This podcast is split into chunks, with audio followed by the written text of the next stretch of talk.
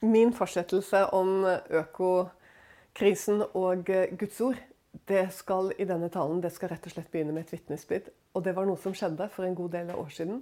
Og det var så ubegripelig utrolig. Og det finnes Det er sånn du ser, og det er så skjønt når du får de, disse her erfaringene, at det er noe som er umulig å forklare uten Gud. Og dette er en sånn historie. Eh, vi hadde vært og eh, Eller for å si Jeg hadde vært og talt på Evangeliesenteret i Karasjok. Og så skulle vi reise videre med bil fra Karasjok til Honningsvåg via Lakselv. Og så var det sånn at vi hadde egentlig ganske dårlig tid. Og eh, mens vi var i ferd med å kjøre ut fra parkeringsplassen der oppe, så kommer en av beboerne eh, løpende liksom, og bare 'stopp', for det var noe han måtte si. Og jeg eh, ruller ned eh, vinduet liksom ja, og, og lurer på hva det er. da, Og han er bare så ivrig, og Bibelen inn av vinduet. Og han begynner å lese om den barmhjertige samaritan. ikke sant? Og jeg bare tenkte men kjære vene. Så dette har vi jo ikke tid til. Men hva gjør du når et menneske sant, er så grepet av Guds ord? Ja, da må du bare la tiden gå. Så jeg hørte på han, sant? og, eh, så var det særlig dette her. Sant? At denne stakkaren som lå i grøften, og presten og levitten og disse som bare reiste rett forbi, og brydde seg ikke om den som lå i grøften. Og han fortsatte, vet du. å, om dette her sånn. Og jeg liksom Ja, helt enig, men vi må kjøre, vi har dårlig tid og greier. da. Og vi kommer oss av gårde. Og, og jeg sitter liksom og tenker litt på dette her, men eh, ikke fryktelig lenge. For jeg, uh, ja, jeg var opptatt med andre ting, og jeg sitter i baksetet og jeg liksom har satt meg godt til rette med beina opp i setet og skal liksom sitte og forberede meg til å tale i Honningsvåg. Og vi suser over Finnmarksvidda, det er januar, det er uh, mer enn 20 kuldegrader ute, og vi kjører sikkert i 90-100 km i timen. Så du, skjer det virkelig underlig at mens jeg sitter da, og egentlig er konsentrert, så plutselig så snur jeg meg. Og, og vi hadde isete vinduer, sånn at vi hadde ikke kommet så veldig langt fra Karasjok. Fordi at eh, bilen var fortsatt relativt nedfrosset bak. Og ikke godt nok skrapt, rett og slett. Sånn at jeg eh, begynte med Altså, jeg snur meg rundt, og så begynner jeg med fingeren å lage liksom et lite hull i vinduet som jeg kan se ut av. Uh, og i det sekundet det lille hullet har blitt blankt, i det sekundet det skjer, så ser jeg ned i en veigrøft at noe uh, rører på seg ned i grøften. Du, jeg bare tenker på det. Hvor stor sjanse er det at noe sånt skjer? Men uh, du, du, skjønner det straks. Fordi at jeg bare roper stopp. ikke sant? Helt sånn instinktivt at noe er i den grøften som ikke burde være der. Og vi rygger tilbake. Og, og, ut av bilen og bort til den grøften. Og der ligger det en hund som da er påkjørt og bare meid ned i grøften. Og den da, eh, er lam i bakkroppen, så den prøver da å komme mot oss på forlabbene. Og dette her er jo ikke en liten hund, det er en karelsk bjørnehund. Det ser ikke jeg der og da, men det, skjønte, det lærte jeg meg jo da i etterkant. Og heldigvis så var det ikke en hannhund, men det var en tispe som gjorde at jeg klarte å løfte dette dyret opp. Og det som er litt interessant, da, var jo at man burde egentlig få masse tanker. At dette kan være farlig, og ikke sant, sånn og sånn, og, og hunden kan få panikk og bite og sånn. Men det var ingen sånn reaksjon hos meg. Fordi at eh, det uttrykket som den hunden hadde, det var sånn total panikk. Altså det var sånn en panikk. Og, og det er jo fordi den visste jo, den ligger midt oppå vidda der, og den vet jo at eh, Og den har sikkert ligget der i flere timer og holdt på å fryse i hjel. Den var jo så kald at det var helt utrolig. At vi var den siste sjanse. Og den prøver å gå på to labber, ikke sant. Det var sånt det stakkarslige og, og utrolig trist syn. Og jeg tenkte ikke i det hele tatt, så jeg bare tok den hunden og bare løftet den opp. Og opp med bakdøren ikke sant, til de andre som var med. Og de var kjempestresset for meg, at jeg skulle bli bitt og sånn og sånn. Men jeg setter meg inn i baksetet med dette enorme dyret, som bare da legger seg liksom langs kroppen min med kinn mot kinn.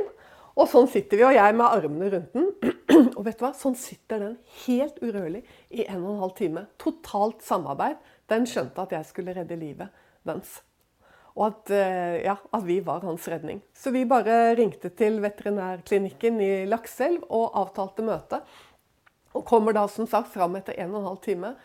får dyret inn og opp på dette her undersøkelsessporet og får vite da av han at han da mener, bare av å undersøke den, at ryggen er brukket, og at det antageligvis blir avlivning. Og Vi syntes jo det var leit, men samtidig var vi glad. Og veterinæren takket jo veldig for at vi hadde tatt den med oss ut av denne veigrøften. Og vi betaler for den og har egentlig gjort det vi kunne, da. Og reiser videre. Men så, etter et par timer, får vi en telefon når jeg er i Honningsvåg. Og da forteller han at, eh, at det var en solskinnshistorie. Fordi han fant chipen. og og det viste seg at dette var en barnefamilie med tre barn som eide den. Og det viste seg at ryggen var ikke brukket, men den var forstuet av slaget med bilen. Så, så du, dette var bare sånn. Og i etterkant av det så uh, så jeg nemlig i Bibelen dette verset som står, og det er vel i Salme 36. Der står det uh, Mennesker og dyr redder du, Gud.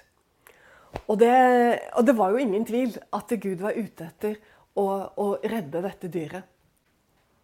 Og så blir jeg jo bare så målløs når jeg tenker på altså Hvis du tar hele historien og det som skjedde, og så går tilbake til utgangspunktet, som var denne beboeren på evangeliesenteret, og som kommer med denne historien om den barmhjertige samaritanen, og så fikk jeg være denne barmhjertige samaritanen og uten å tenke på det når jeg holdt på med dette, men gjøre det. Bringe den til klinikken, ikke sant? betale det det kostet, og så reise videre. Det er bare sånn, Du ser tilbake, og så blir du så fascinert. Hvordan Gud bare er 100 til stede i det som skjedde fra vi dro fra Karasjok til vi hadde avlevert denne hunden. Helt, altså. For en utrolig omsorg. Og så husker jeg at jeg brukte, eh, jeg brukte eh, dette vitnesbyrdet ikke så veldig lenge etterpå i en menighet. Og da skjedde det noe som jeg reagerte på. Da var det en eldstebror. Veldig fin og koselig mann, egentlig. Men han var litt bekymret på måten vi hadde brukt dette på. Om det liksom skulle være sånn at jeg mente at Gud på noen måte liksom Altså Han var faktisk litt usikker tror jeg, egentlig på hele, hele greia. Men det han var mest opptatt av, da, var at han følte at jeg kanskje hadde brukt dette vitnesbyrdet som en sånn uh, Som en sånn uh, Hva skal du si En slags uh, klar tale om å våkne opp for hvordan dyrene har det i denne verden. Altså litt sånn der, Jeg brukte det som ikke sant, skapningen som pga. menneskets synd så ligger de meid ned i grøftene. Litt sånn brukte jeg det. Ikke veldig, men jeg brukte det litt sånn. Vårt ansvar for medskapningen. Og du, den syns han var vanskelig. Og nå er jeg tilbake litt hvordan jeg startet den uh, forrige delen av denne tale... Hva skal jeg si, ikke akkurat serie, det vil jeg ikke kalle det, men del én, da. Så startet jeg ut med dette her at jeg syns det er så trist med disse leirene innenfor kristenheten, og hva man forkynner hvor, og hva man er opptatt av i de ulike leirene. Og jeg tenkte liksom at her var det tydelig noe som ikke som, Og han var sikkert antageligvis ikke alene om dette. altså. At, eh, nei, for man kan da ikke stå og snakke om dyr, liksom. Sånn? Altså her, eh, hvordan og du, det er ikke bare kristne som er der, liksom. Hvis du liksom skal forsvare dyrene og sånn, så er det litt sånn Ja, eh, er du helt liksom Vi lever ikke i Walt Disney-verden, ikke sant? Det er en sånn at man begynner med England å forsvare liksom brutaliteten og at Gud han er jo mye mer opptatt av mennesker og sånn. Ja, vi vet jo det. Vi vet jo altså mye mer. Egentlig så tror jeg ikke vi kan si sånn heller. Men det vi vet, er det Jesus sa. Og det skjønner vi jo. Når han sier at ikke engang en spurv faller til jorden uten Guds omsorg, uten at Gud vet om det. Men så sier han altså I forhold til det så sier Jesus altså at når Gud bryr seg sånn om spurven, så sier han hvor mye mer bryr han seg da ikke om deg? Eh, for han sier at dere er mer verdt enn mange spurver. Men det som er problemet da, i den tiden vi lever i, er at vi har fratatt dyrene verdi. Jesus sier at spurven har verdi. Gud bryr seg om spurven som faller til jorden og dør. Han bryr seg om hele sin skapning. Og det er så mange eksempler, og jeg skal komme til flere av dem. Men hvis vi fratar spurven, hvis vi fratar dyrene verdi, så er det en stor synd mot Gud. Og det er til syvende og sist farlig for oss selv. Fordi, ta denne lignelsen at om enkronen ikke lenger har verdi, da har heller ikke hundrekroningen noen verdi. Tygg litt på den. Jeg skjønner jo at den ikke er direkte overførbar, men den sier noe veldig viktig om Guds skapning. Han som har gitt verdi.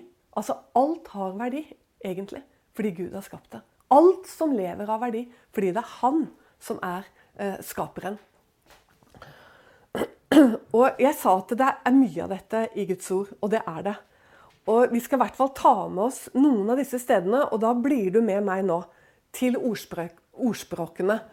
Og så hører du nå ikke falle av, fordi hvor ofte hører du tale om dette her? Og, og, jeg tenker at det er jo egentlig litt tragisk. For er det noen som skal på en måte være medskapningen og hele tatt skapningens forsvarer, så må det jo være oss.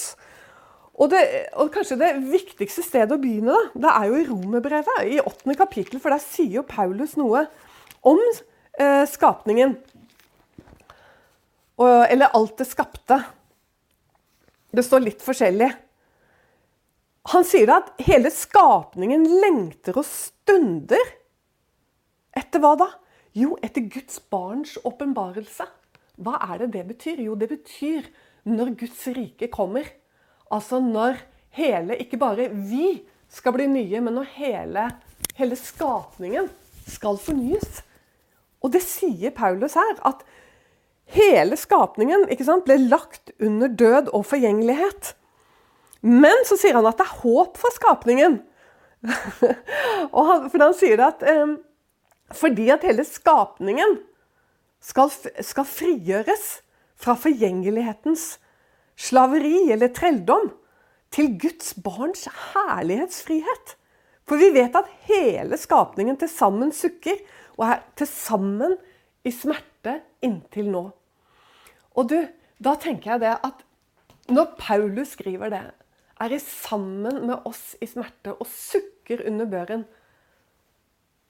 Du, eh, jeg er litt sånn tilbake i Jesaja 24 og det som del 1. Da går jeg jo ganske raskt inn i eh, denne profetien om de siste tider, og hvordan Jesaja får fra Gud å fortelle om hvordan det kommer til å gå med denne jordkloden vår. Hvordan det står at den, at den, at den sørger og visner under de som bor på den. Fordi at eh, menneskene har totalt vendt seg bort ifra Gud. Og konsekvensene, og hvordan det går utover jordkloden.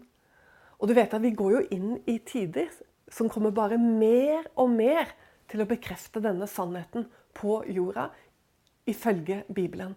Men så er det jo da et evangelium inn i dette her som er så viktig.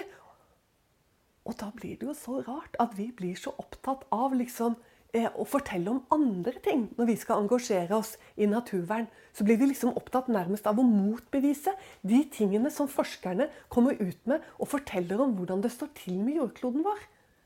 Tenkte jeg, Hvorfor i alle dager gjør vi det? Altså Når vitenskapen går ut med ting som er direkte imot Guds ord, ja, da skal vi ta til motmæle, og da skal vi være klare. Men når de ikke gjør det, men faktisk er i altså Bibelen er i overensstemmelse med dem, så skal ikke vi bruke tid og ressurser på det. Vi må jo heller vise at vi virkelig har et engasjement for det som mennesker er redde. Det de ser at skjer med jorda, det de er engstelige for. da. Nå talte jeg masse om dette sist. Men dette handler jo også om dyrene. Og de har vel egentlig Hvis du ser på Guds skapelse, så er det vel kanskje dyrene som har den svakeste røsten av alt, egentlig. Mer enn skogene og klima og sånn.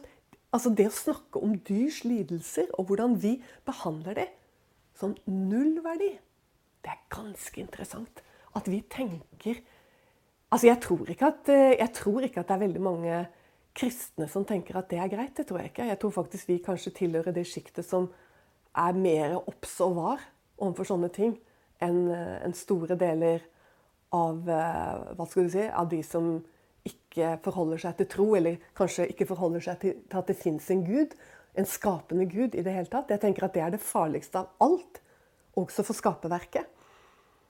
Og det er jo ikke mine tanker heller, for det er jo Salmenes bok. For du vet at både, eh, eh, nei, i, i, ordspråkene, for faktisk både i kapittel 12 og i kapittel 27, så eh, er jo Gud på'n igjen i forhold til sin skapning. Og hør hvordan, eh, hvordan, det står i kapittel 27 i ordspråkene, i, eh, i det 23. verset. Du må nøye kjenne dine fårs utseende. Ha omsorg for din budskap. Altså ha omsorg for husdyrene dine. Dette er jo en klar beskjed til bøndene. Altså, det, blir jo, det blir veldig vanskelig å kombinere industrielt drift av dyr, altså industri, eh, produksjon av industrikjøtt.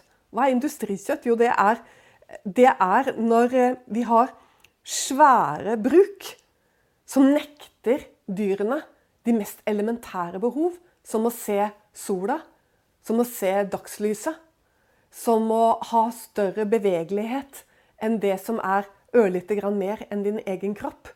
Sånn er det jo i Norge òg. Store deler av eh, vår, vårt landbruk handler om dette her. Både for, både for uh, høner og for uh, griser og for kalkuner, som aldri noensinne får se sola så lenge de lever. Ja, ja, men vi lever jo ikke i noe Walt Disney-verden, og dette her er ren og skjær nødvendighet. Det er en brutalitet som er helt ufattelig, egentlig, å ta fra Guds skapninger verdi. Noen må jo bare liksom, jeg tenker Vi må jo bare løfte dette fram. Det er jo kjempeviktig. Norge så tenker vi at ja, men her er det så bra, og så er det en del som har våknet opp og skjønt at nei, det er ikke sånn, det er ikke så bra som vi tror. Og så ser du ut imot eh, f.eks. Tyskland, Danmark, USA, Kina, Korea. Sant? Da blir du jo mørkredd. Eh? Det er, men så blir det sånn Ja, men skal vi snakke om det fordi vi skal være snille mot dyrene? Er det derfor det er viktig at vi tar dette opp i forkynnelsen? Ja, det mener jeg er en veldig god kvalitet. Det står jo også i, salme, i ordspråkene 12 så står det jo faktisk også at uh, Gud sier, minner oss om at uh, Han sier faktisk at de ugudeliges hjerte er hardt, sier han, mot dyrene. De ugudeliges hjerte er hardt. Men så sier han at den rettferdige har omsorg for sin budskap omsorg er en kjempeviktig ting. Det er bra, det. Det er Gud som sier det. Vi skal ha omsorg vi, for skapningen. Vi som tror på Han og, eh, og holder oppe Hans ord og Hans rettferdighet. Så står det at den ugudeliges hjerte er hardt. Det høres jo sånn litt sånn ugudelig hvem er, Ja, men hvem er den ugudelige i Bibelen? Jo, det er den som ikke tror på han. Det er den som ikke hører på hans ord. Den som ikke, den som ikke lyder hans ord akter det for ingenting, eller til og med kanskje regner han for at han ikke fins. Det er den ugudelige ut ifra Bibelen. Og så sier han at eh, den ugudeliges hjerte er hardt. Jeg tror ikke det, at eh, alle mennesker eh, Jeg tror absolutt ikke det. Men det er noe i dette, skjønner du, for det handler om hans ord og hans lover. Ja, omsorg, det er kjempeviktig. Altså, det er ikke sånn at vi må forklare det i noe annet. Fordi liksom, det å ha omsorg og kjærlighet og medynk med det Guds skapninger, liksom. Det er ikke nok. Men allikevel så er det viktig, veldig viktig å si noe som har med dette å gjøre. Og det er alle advarslene i Guds ord som handler om havesyke. Og vet du at Nytestamentet faktisk kaller eh, eh, havesyke for avgudsdyrkelse? Det syns jeg du skal ta oss og sjekke opp. Og det står så mange steder om disse tingene. Jeg nevnte Jakob i den forrige talen om økokrise og Guds ord femte kapittel i Jakob. Bare les, hvor det står 'Hør nå, dere rike', og hva som venter dere. Og så står det sånn nærmest helt jammerlig om de siste dager. At menneskene samler skatter og samler rikdommer. Og, og, hvis ikke du har hørt den talen, så kanskje du skal høre den øh, også. Fordi det er viktig. Eh, du vet at eh, Hvis alle skal opp på Vestens nivå Det er jo dette som handler om at det er en jordklot som umulig kan bære det. Eh, og, og, leve sånn. Jeg, bare, jeg, er så gammel at jeg kan se på mitt eget liv i forhold til hva slags mat vi hadde tilgang til når jeg vokste opp. Sånn, og, vi hadde jo aldri noe nød. Men sånn, det var jo utelukket. Altså, I dag lever vi alle som grever. Og så tenker jeg ja, men er ikke det bra? Er ikke det supert? da? Nei, jeg er ikke så sikker på at det er så supert. Fordi at dette gjør noe med jorda vår. Og det vi har av ressurser. altså Vi må jo tvinge det inn i en industriell produksjon for å kunne holde prisene nede, slik at alle skal leve som grever. Ikke sant? Altså Hvis, hvis du må, eh, hvis du må eh, eh, fiske laksen din selv ikke sant? Eller, eller kjøpe deg en som har fiska den, så må du betale vanvittig mye mer for å ha laks. Og laks det blir sånn som det var i min barndom. Det blir noe de aller fleste aldri har spist. Jeg husker jeg hadde en venninne i klassen som hadde skinkepålegg på maten. Det var liksom sånn kokt skinke. Det var sånn at vi aldri fikk hjemme hos meg. Og, og, og det som var festmat hos oss, det var svinekoteletter på søndager. ikke sant? Og jeg tror ikke vi var av dem som egentlig ble regnet til fattige eller hadde dårlig råd. Men du skjønner det, vi, vi, glemmer hva som har skjedd. Det som er, er at Vår havesyke Det er jo bare å gå inn, inn på disse her enorme Meny eller Ica eller, eller, eller Coop, holdt på å si Mega. Og sånn, så ser du jo eh, sant? Det er jo bare eh, Det er sånn en overflod, og vi kaster så vanvittig mye mat. Vi har, vi har lager ikke sant, med kjøtt som aldri å, det er bare så tragisk. Jeg, jeg, jeg, må bare slutte nå. For det, da, da, er man jo bare i gang, ikke sant. Og, og, og, det er ikke politisk løsning på dette heller, vet du. Men løsningen er Gud. Løsningen er at vi gir Han rett om hvordan vi lever, og hva vi gjør, og hva synden har av konsekvenser utover våre relasjoner til vår neste. Men du, faktisk synden har så til de grader konsekvenser i forhold til jorda vår. Og hør nå. I for, igjen i forhold til lysten. Det finnes nemlig en historie i Det gamle testamentet som er bare Du vet at vi fikk et råd at hele GT, ikke sant? Så at hele Bibelen er jo innåndet av Den hellige ånd. ikke sant? Eh, til oppbyggelse, til lærdom. Vi får be, be, be, spesielt beskjed om dette i forhold til Gamle Testamentet, sånn at ikke vi skal tro at vi på noen som helst måte ikke behøver å lese i Det gamle testamentet. Det gamle testamentet er jo fantastisk! Det er jo det Paulus kaller de hellige skrifter osv. Du kan ikke liksom tenke at nå har vi Det nye testamentet, vi trenger ikke Det gamle testamentet. Og nå skal du få en historie derfra som eh, på en måte tenker jeg løfter opp og eh, iscenesetter lyst. Det som Peter sa. Det er ikke bare at det står i Nytestamentet at havesyke er, eh, er eh, avgudsdyrkelse. Men Peter sa faktisk at fordervelsen i verden, og det er jo dette jeg har snakket om, kommer av lysten. Og Det er jo derfor også Paulus ikke sant, løfter fram avholdenhet som en av åndens frukter. Og hvor mye tales det i dag om avholdenhet? Jo, jeg tror det gjøres i noen miljøer. Men det kan fort være liksom, folk i de andre miljøene som står og ser bort til det. At nei, det er de der liksom, det er de det, som prater om sånne ting. Naturvern og klima og miljø og sånn. Å nei, nei. Sånn. Men det rare er jo at de snakker jo ikke om andre eh, alvorlige ting i Guds ord. Sånn. Og da står de liksom Å nei, nei, liksom. Hæ? Det vi skal snakke om, det er denne boka her det er, det er hva Gud lærer oss. Det er det vi skal snakke om. Vi skal ikke bry oss om Det snakker vi ikke om liksom, oss på denne sida. Det, det, er ikke sånn vi forholder oss. Vi forholder oss til Guds ord. Det er ikke vi. Du vet at hvis, hvis vi holder på sånn med Bibelen, så er det ideologi. Det er ideologi og politikk. Det er ikke Guds ord du forkynner. For Hvis vi forkynner Guds ord, så må vi bøye oss under ordet. Da er det ordet som skal få rett over våre liv. Det er ikke vi som skal få rett over ordet. Nei, vi skal bøye oss for ordet. Ikke sant? Og nå, Børre, er jeg altså i fjerde Mosebok. Og nå må du merke deg, skriv det ned. Fjerde Mosebok, ellevte kapittel. For der kommer det en lystens lærdom. Og nå har Israel klagd så fryktelig fordi at eh, for, Ja, ja, de har jo gjort det før også når det gjelder brød og Nei, ikke brød, men kjøtt. De vil ha kjøtt. De vil ha kjøtt. Sånt, er det noe vår tid vil ha, så er det kjøtt. Og det er det de vil ha, og de gråter over at de ikke får kjøtt, og de vil tilbake til Egypt. Og eh, de klager fryktelig til Moses, og så kommer Gud og sier til, Moses at eh, gå og si til dem at de skal få kjøtt. Og du, dette er bare en sånn historie. Eh, og jeg, jeg, du, jeg må bare ta meg tid til å lese.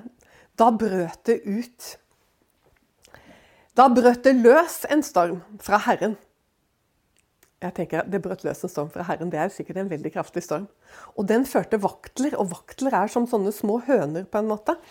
Men eh, garantert bedre flyvere. Men de ser litt sånn høneaktige ut, da. Ja, og de, ble, de kom med denne stormen inn fra havet, og Gud strør eh, fuglene ut over leiren. Og gjør, De har kommet i en sånn mengde at det, at det står her at de kunne gå en dagsreise. Eh, og det står altså i leiren, omkring leiren, og de kunne gå en dagsreise eh, på hver av kantene. Altså på hver av eh, Ja, ut da fra leiren kunne de gå en dagsreise. Og det, var, det lå vaktler, altså, i, så, stor, i, et så stort område da, rundt leiren. Og så står det da sto folket opp og gikk hele den dagen og hele natten og hele neste dag. Hva gjorde de for noe? De sanket vaktler. Og den som hadde samlet minst iblant dem når de var ferdig, den hadde samlet ti homer. Og du, eh, la meg si det sånn cirka, da. At det ville være et eh, stort lastebillass med kjøtt. Og det var de som hadde samlet minst. Og så står det 33. verset. Merk deg det. Mens, mens kjøttet ennå var mellom deres tenner, før det var helt fortært. Altså, mens de ennå, altså. Det er utrolig. Så opptennes Herrens vrede over dem mot folket. Og han lot det komme et stort mannefall. Og antageligvis så sendte han eh, pest eller sykdom eller et eller annet sånt noe. Eh, det står ikke her nå. Men det står at når de skulle begrave alle disse som, eh, som hadde falt pga. Guds vrede over lysten, så står, det, så står det faktisk det. Her så står det. Fordi der begravde de altså dette stedet hvor de begravde dem, het Kib, Kibrot Hatava. Fordi de der begravde dem som hadde vært så lystne. Hva? Er det ikke utrolig? Fra, fra Kib, Kibrot Hatava brøt folket opp, ja, og så gikk videre. Du, det ordet der sånn på hebraisk, det betyr lystens grav. Og, og ta, ta, dette bildet her sånn, og Det nye testamentet, som sier at alt som står i det gamle, er gitt oss til lærdom. Og når vi tenker på disse vaklene, så er det jo også så fascinerende at det er jo helt sant i forhold til hva vi vet om vaktler, og hvordan de trekker.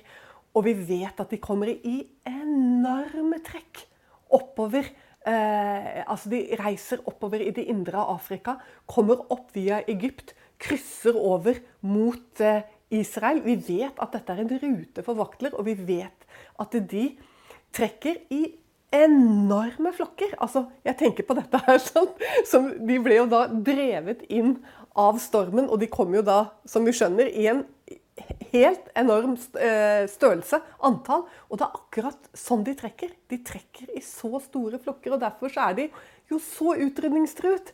For det var jo ikke bare den gangen at man ikke klarte å begrense seg. Hvordan Israel holdt på i sin kjøttlyst og ikke ga seg. ikke sant? Det var jo ikke sånn at de lå døde strøtt der. De, de, slaktet jo ned for fote disse utarmede vaktlene som var kommet med denne stormen. Og sånn er det. Vi vet at vaklene de har ikke så veldig gode vinger. Altså, Kroppen er på en måte litt for lang i forhold til vingene, så de kan fly veldig hurtig, men de kan ikke fly lenge. Så de har hyppige stopp, og når de kommer til sine stopp, så er de, eh, er de helt utslitt. Og, og, da kan du tenke deg, når de blir slengt inn av denne enorme stormen, og hvordan da israelittene bare slaktet ned for fote ikke sant? og ikke kjente noen begrensning i inntaket her. Du, det er jo, jeg tenker det er sånt et utrolig bilde for det første er det så nøyaktig i forhold til eh, vaktler og deres trekk og eh, hvordan de trekker. Men det er, så, det er, så, utrolig bra å bruke på vår griskhet. Og det passer jo mer enn noen gang på vår tid, for hvor mange arter har vi ikke utryddet? Sant? Og hvor mange arter står ikke nå i fare for utryddelse? Jeg snakket om det i del 1, du kan jo gjerne høre på den. Eh, og det er jo nettopp fordi vi, vi, vi, ser ikke begrensninger. Vi gir oss ikke. Og Gamletestamentet har løftet og iscenesatt og vist oss dette som skjedde med israelittene der. Og, og, han kaller det for lystens grav.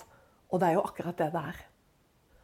Og, og når vi vet ikke sant, hvordan hele vår skapning, hvordan det står til, hvordan vi Du vet at Jeg tenker hvordan Jeg lurer på hvordan, hvordan, hvordan så Gud på eh, Kina og Korea. Det er ikke så mange år siden de ble tatt på fersken i å begrave Korea 1,9 millioner griser levende. Tenk deg det. Altså, da, da, snakker du, du profitt, da. Da snakker du kapital. Da skjønner du hvor enorme disse brukene er. Og hvordan disse dyrene har absolutt null verdi. Ingen verdi i det hele tatt. Du vet at Det blir jo bare latterlig å snakke om at du skal nøye kjenne dine får eller din buskaps ansikt. Det er bare latterlig. Vi snakker med titusener på disse brukene, og de har absolutt ingen verdi. Og allikevel er det lønnsomt, på tross av sykdommer, på tross av alle som dør før slakt. Fordi de driver så gigantisk, så er det likevel lønnsomt. Og bryter du ut sykdom i bestandene, så når de da skal, sånn som vi da gjør i, i noe mer sivile deler av verden, så slakter vi dyrene. Men nei da, de har ikke tid til å slakte dem engang. De bare graver kjempegrøfter, og så kommer de med trailere og bare lemper levende dyr. Ja, men Eva, dette er jo ikke sant. Jo visst er det sant. Og har du lyst til å google det og se film av det og bilder fra det, så fins det masse der ute som du kan se. Og det er ikke bare Korea. Kina. De praktiserer det samme. Når de får, eh, når de får eh, sykdom i husdyrbestandene sine, som er så gigantiske at det, det er vanskelig å fatte, så er det bare å begrave de levende. Du vet, I dag er det slakterier i USA som kan ta livet av Det er litt skummelt å si det, men de er i hvert fall oppe i 20 millioner svin i året. Men la oss gå tilbake til Guds omsorg og Guds kjærlighet og hvordan han ser på dyrene. Fordi at det er uendelig viktig. og Vi tok med oss dette lille som Jesus sier om spurven, som forteller så uendelig mye. Men saken er du, at Gud bruker dyrene så mye. Og han bruker dem ikke minst i Jobbs bok. Og ifra kapittel 38 og til og med tror jeg, 41. kapittel, gjennom fire kapitler i Jobbs bok, så bruker han dyrene som et showroom. Jeg må si det, Som et showroom. Og liksom Over at han er Gud, og hvor fantastiske ting han har skapt. Og hva han har gjort. ikke sant? Og ikke bare dyrene, man bruker skaperverket sitt. og i det hele tatt. Men hør nå hvordan han introduserer det i begynnelsen. Fra 12. kapittel så sier han 'spør bare dyrene', og de skal lære deg'. Spør fuglene under himmelen, og de skal opplyse deg. Snakk med jorden, og den skal lære deg. Fiskene i havet skal fortelle. Hvem av disse har ikke forstått at Herrens hånd har laget alt dette? Er det ikke bra? Altså, her kommer det liksom en undervisning til jobb eh, om, eh, om, altså, om vi mennesker skulle være så trege og, og forstå at det er Gud som har skapt denne fantastiske verden. Så sier han spør da fiskene og spør dyrene hva de har å si til dette. Og du, han bruker dette så mye videre ut i, eh, i Jobbs bok. Og jeg sa fra kapittel 38 så er jo dette helt spesielt. Og det vi vet også, vet du Tenk på Newton. Han sa eh, Isaac Newton. Her snakker vi om eh, hva, kanskje den eh, vitenskapsmannen flest har hørt om. da. Han sa det at han brukte mer tid på å lese i Bibelen enn han leste i, i vitenskapelige bøker, i matematikk og fysikk. Og, men han brukte mer tid i Bibelen. Han var en troende mann. Og han, han du, det er bare så bra. Og det er ikke så. Og jeg tenker han brukte sikkert mye jobbsbok. For jobb, vet du. Det er akkurat dette. Gud, spesielt i de siste fire kapitlene så bruker så kommer Gud med kunnskap som han avslører for jobb som først det tok vitenskapen 3000 år senere, så kommer de og sier det samme. Hør nå f.eks. på denne lille, lille hva skal jeg si, delikatessen her i Guds ord. Hvor, eh, hvor Gud sier det, de, sier det på denne måten. Han er den som drar opp vanndråper, som former regnet til tåke. Den som lar skyene dryppe ned og lar det strømme rikelig over menneskene. Dette er noe som vitenskapen først formulerte flere tusen år senere, nemlig om vannets kretsløp på jorden. Det er jo det han her gir til jobb. Han forteller om, om, om, at han er den som drar opp vanndråper som former regnet til tåke, og som lar skyene igjen. ikke sant? Vannet blir dratt opp av havet, ikke sant? kondenserer, og skyene igjen slipper regnet tilbake på jorda. Dette ble, jo, dette ble jo på en måte beskrevet av vitenskapen mange tusen år senere, og vi kan lese i dag om vannets kretsløp, og det står på denne måten i et leksikon. Fuktighet stiger opp som vanndamp fra havet eller jorda og kondenserer i kaldere luftlag til dugg og skyer, og deretter faller tilbake på jorden som, som, som nedbør. Allerede beskrevet. Og hva med lyset? Det syns jeg er veldig spennende. For du vet at vi har noe som heter sinusloven, som forteller om hvordan lyset og hvilken retning lyset tar når det brytes.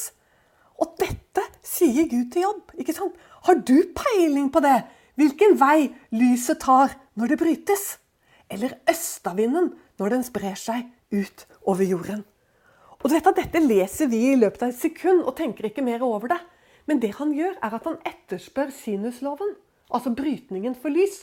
Og det fant de ut på begynnelsen av 1600-tallet. Altså flere tusen år etter at det ble skrevet i Jobbs bok. Han, han, liksom, han skryter av hvordan han har gjort ting. da.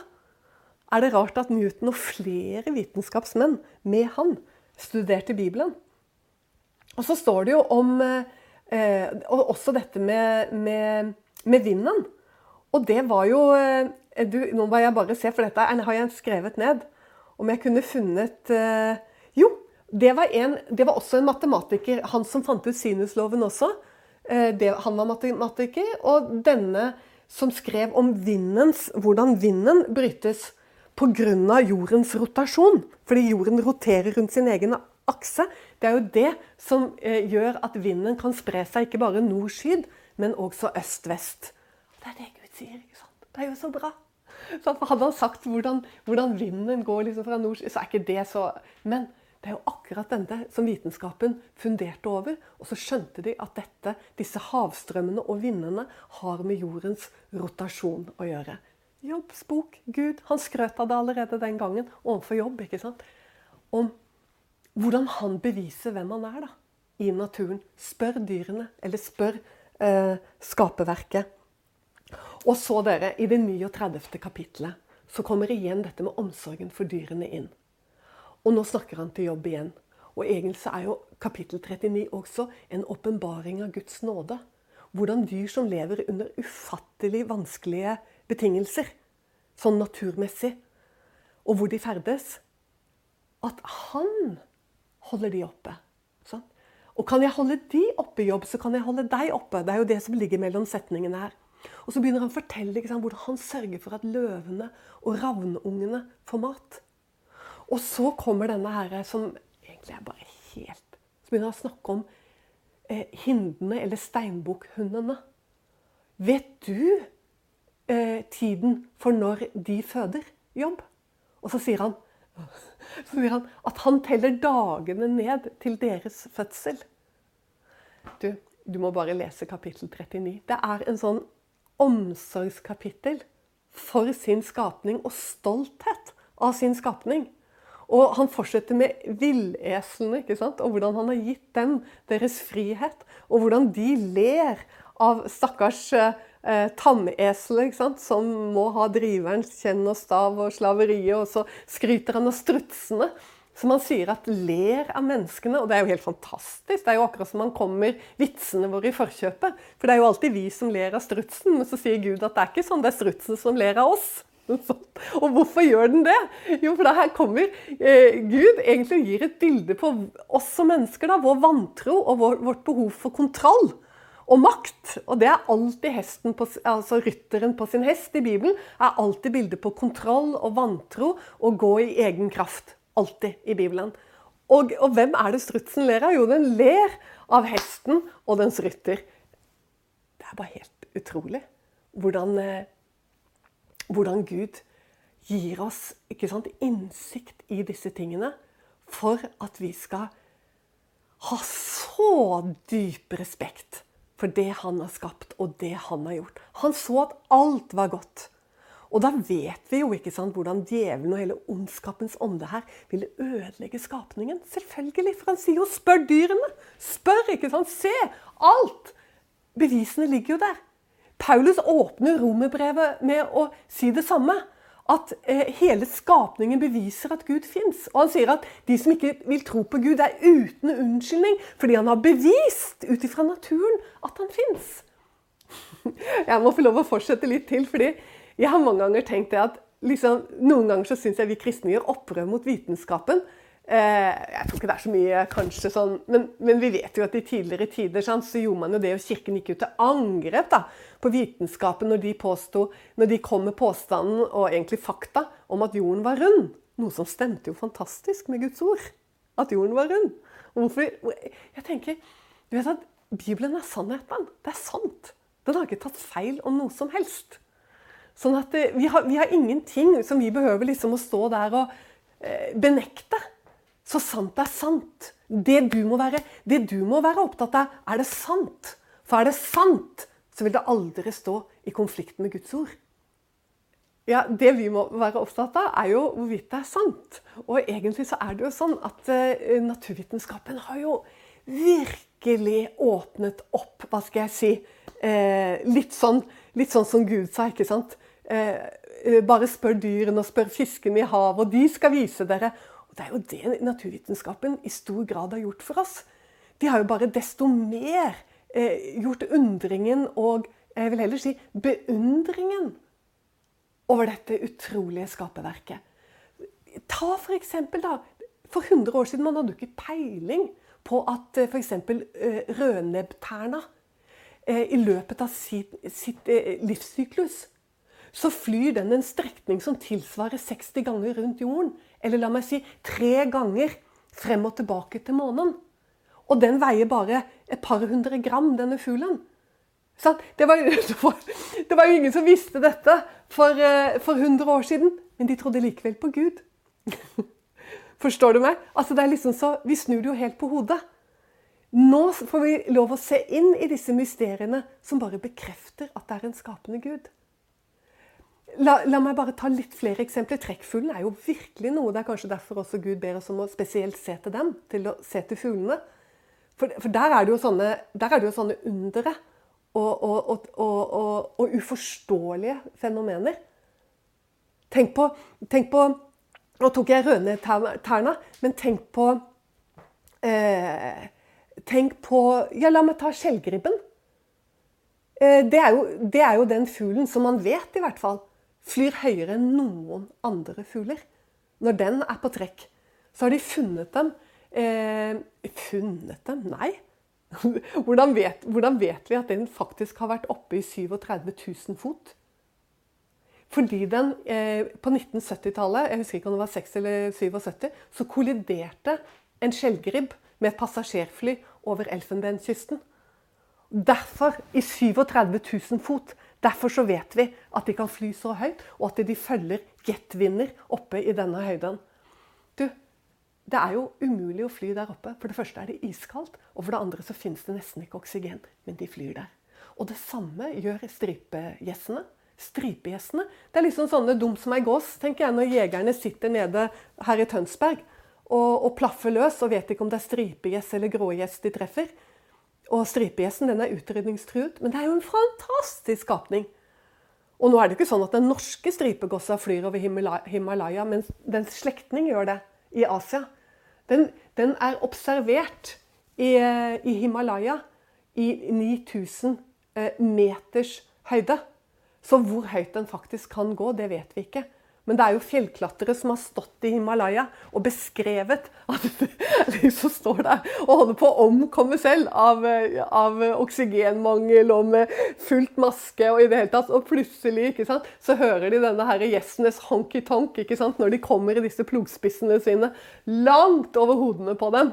Eh, det er jo bare helt nydelig å lese sånne, sånne fantastiske beskrivelser fra naturen. Og det er så mye å undre seg over. Og det beviser jo nettopp Gud. Tenk at det var først ut på 1800-tallet hvor vi i det hele tatt skjønte hvorvidt ålen om det var en fisk, eller hva vi skulle kalle den. Og vi ante ikke om den fødte levende unger eller fødte egg. Eller, og vi visste ikke hvor den hadde sitt opphav. Vi visste ingenting. Først langt ut på 1800-tallet så eh, blir det oppdaget dette utrolige livssyklusen til en ål. Alle ålene som reiser mot Europa og Amerika, fødes i Sargassohavet. Og da er det bare som små pilblader. Og så begynner de å flyte med strømmene nordover. Og når de er kommet et stykke på vei, så er det sånn at eh, de nordamerikanske bryter ut av strømmen, for de skal inn til Amerika. Så alle de som vet at de tilhører den amerikanske arten, de går ut av strømmen og flyter inn mot Amerikas kyster. De europeiske ålene de fortsetter å flyte med strømmene et par år til. Og så treffer de eh, våre kyster. Og så blir de til glassål. Og så forvandler de seg til gulål og drar oppover i elvene og over myrer og ligger i, i, i, i tjern der oppe. Eller vann, fjellvann. Hvem vet hvor lenge? Kanskje 30 år. Plutselig så bestemmer ålen seg for at den skal tilbake til Sargassohavet for å formere seg og dø. Og da blir den til svartål og reiser på den lange, lange ferden gjennom elver, over myrer, ut i havet igjen og begynner på ferden mot Sargassohavet. Du, sånn. Det er jo som å lese Jobbs bok. Det er, jo, det er jo akkurat det samme Gud gjør i Jobbs bok. Han bruker vitenskapen, han bruker det han har gjort, det han har skapt, som bevis på hvem han er. Ikke bare hvem han er og at han fins, men hvor mektig han er. Og så bruker han det også på den omsorgen han har. Og hvordan, og hvordan han liksom på en måte skryter av skapningen sin. Han sier jo om en som heter Behemot, som det har vært kranglet av teologer gjennom århundrer om hvem, hvilket dyr dette er. Noen mener det er flodhest, noen mener det er nesehorn. Og noen mener at det må være, være en dinosaur. Ut ifra måten han beskriver meg, Han sier at det, 'den har jeg skapt, liksom deg', sier han. Sant? Liksom, hør her. Det er liksom ydmykhet og mennesket. 'Jeg har skapt den, jeg bryr meg om den.' Så sier han 'den er den ypperste av mine skapninger'. Bare les. Det er Jobbs bok. uh, hvordan hva? Da skjønner vi hvor viktig det er, dette som Det nye testamentet terper på når det gjelder havesyke, når det gjelder viktigheten at vi som kristne er forbilder hva? i avholdenhet. Når vi ikke trakter etter rikdom og, og liksom tenker at Ja, det har jeg mange ganger, mange ganger lurt på, altså. Når eh, liksom du, At man skal snakke om velsignelse. Du vet, Vi må være litt forsiktige med hvordan vi bruker sånne ord. Gud vil selvfølgelig ikke at vi skal være fattige. Altså, Det er ikke der det ligger i det hele tatt. Men du skjønner det, når vi er opptatt av penger og opptatt av havesyke, så det første så sier det noe om at vi lever i lyster. Og så sier det også, eller i hvert fall kan si veldig mye om, at vi ikke har tillit til Gud. For hvis vi er liksom veldig sånn og passer på at vi skal tjene så og så mye, og sånn og sånn, og, så sier det noe om at vi ikke helt stoler på Gud. Og her er vi hos Jesus igjen, ikke sant? som sier, snakker om Salomo, hvordan han har kledd liljene på marken. ikke sant? Og sier at ikke engang Salomo var kledd som en av dem. Hvor mye mer skal jeg ikke kle dere? Og han sier jo direkte til dem når disiplene er bekymret hvordan han skal gå med dem hvis de skal følge han. Og Det kan man jo skjønne, for han sendte dem jo ut uten sko på føttene, uten matpakke og uten penger og uten to kapper. Men han gjorde jo det. Sendte dem ut fattige for at de skulle bli rike i Gud. At de skulle oppleve at han sørget for dem. Og så sa han det også direkte. Han sa at ingen som har forlatt mor eller far eller, sant, og begynt å følge meg, skal mangle noe som helst, sier han egentlig. De skal ikke mangle inntekt. De skal ikke mangle Og så blir de forlatt av sin familie, eller så skal de ha venner, de skal ha familie. Sant? De skal ha noe å leve av. Og, eh, og så sier han og i den kommende verden evig liv. Men og også ha alt du trenger til her, men under forfølgelse. Dette er Guds løfter. Sånn at det å leve i lyster og det å, å trakte etter rikdom og se på det som en liksom, veldig sånn fin ting av kristne, at de er rike, at å, de må være velsignet, liksom, for de er så rike og sånn. Hvor har du det fra i Bibelen? Ja, du kan si at Gud velsignet Abraham og sånn og sånn, og han hadde en masse ting, og mer enn han trengte til. Men legg merke til, han levde i telt hele sitt liv. Han levde som en utlending hele sitt liv. Og i Nytestamentet så finner du veldig lite av å kunne bruke velsignelse på denne måten. For der står det Les bergprekenen hva, og saligprisningene hvis du er interessert i hva velsignelse er for noe. Det kan jo sikkert være det òg. Altså, det, det, kan være det. Men veldig mange ganger så snakker vi om våre egne henders strev. Og vårt eget fokus og hva vi legger vekt på. Og, og leve stort og flott og fint, og alle kan se hvor lekkert jeg har det. Og så kaller vi det for Guds velsignelse. Sant? Det er det ikke nødvendigvis. Det kan jo være at du er helt nedsunken i både gjeld, eller du kan være nedsunken i eh, materielle ting. Altså, jeg skulle bare, vi skulle bare holdt på å si, pusse opp eh, kjøkkenet med maling. Og, og, og, legge gulv i annen etasje og, og, noen takvinduer når vi flyttet inn i ny bolig. Jeg følte jeg var nedsunken i materien. Jeg var, jeg var helt fortvilet. Jeg syns ikke jeg fikk tid til noe liksom, med, med, Guds ord og bønn. Og jeg følte det tok helt totalt over. Jeg blir helt engstelig når vi snakker om å pusse opp kjøkkenet. For da, da, vet jeg hvor enormt mye det krever av hva jeg skal fokusere på, på. Uten da Altså, vi er forskjellige. Jeg mener ikke å bli tåpelig heller. Sant? Men er, noen må jo si dette her. Det er jo ikke sånn at rikdom er bildet på velsignelse. Og det at Norge er så rik, betyr at vi er så velsignet. Jeg glemmer aldri en tale og et foredrag jeg hørte av Garcia de Presno og det, er, det var, eh, Jeg husker det var på Bok og Media i Oslo. Det var så interessant. Og han viste bare plansje etter plansje om hvordan det har gått med landet vårt og inntektene til misjonene og antall misjonærer som reiser ut, i forhold til eh, eh, Norges rikdom og våre lønninger og hvordan de økte. Så så du at inntektene til misjonen dalte, holdt å si parallelt. Altså, ikke sant? Altså, de, de dalte mens inntektene Du, og det var jo ikke, det var ikke én graf han viste. Det var graf etter graf etter graf som beviste hva som skjer med oss mennesker. Akkurat som i Israel i Det gamle testamentet, når vi blir rike og fete og slår bakut, for å si det sånn. Eh, det, mange forsvarer det, vet du. Og det er jo så flott med rike. Sant? De rike de gir så mye til misjonen og sånn. Hør her. Er det ikke slik at det står da? At Gud har utvalgt seg de som er fattige på verdens gods? Det står jo sånn i Nyttestamentet. Han har valgt ut de til å ha en rik tro, står det. De er rike på troen, og de er rike på en hel rekke andre. Les Korinterbrevet. Første Korinterbrev og hele åpningen der. Sant? Og Bibelen snur opp ned på alle våre greier. og Derfor så må vi bare ta det opp og røske det og snakke om det. Fordi at når vi prater på en måte som ikke stemmer med Bibelen, så driver vi med ideologi. Det er, ikke, det er ikke teologi, det er ideologi. Teologi det handler om å åpne opp Guds ord. Og så er vi ydmyke. Og må Gud hjelpe meg også å være ydmyk, at vi bøyer oss under ordet og hva ordet faktisk lærer. Og, og bare én ting til også, til slutt. For det er, det er viktig, det, dette jeg sa i forhold til naturvitenskapen og tro.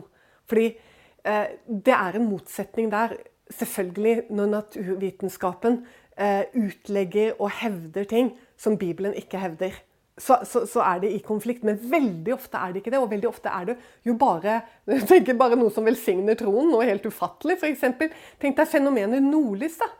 Tenk, I dag så kan vi beskrive det i forhold til energirike partikler. ikke sant? Elektroner og protoner og magnetisme. Og vi forstår det nesten helt, liksom. Vi forstår det ikke helt, tenker jeg, men forstår det nesten helt, for dette med magnetisme er jo et mysterium.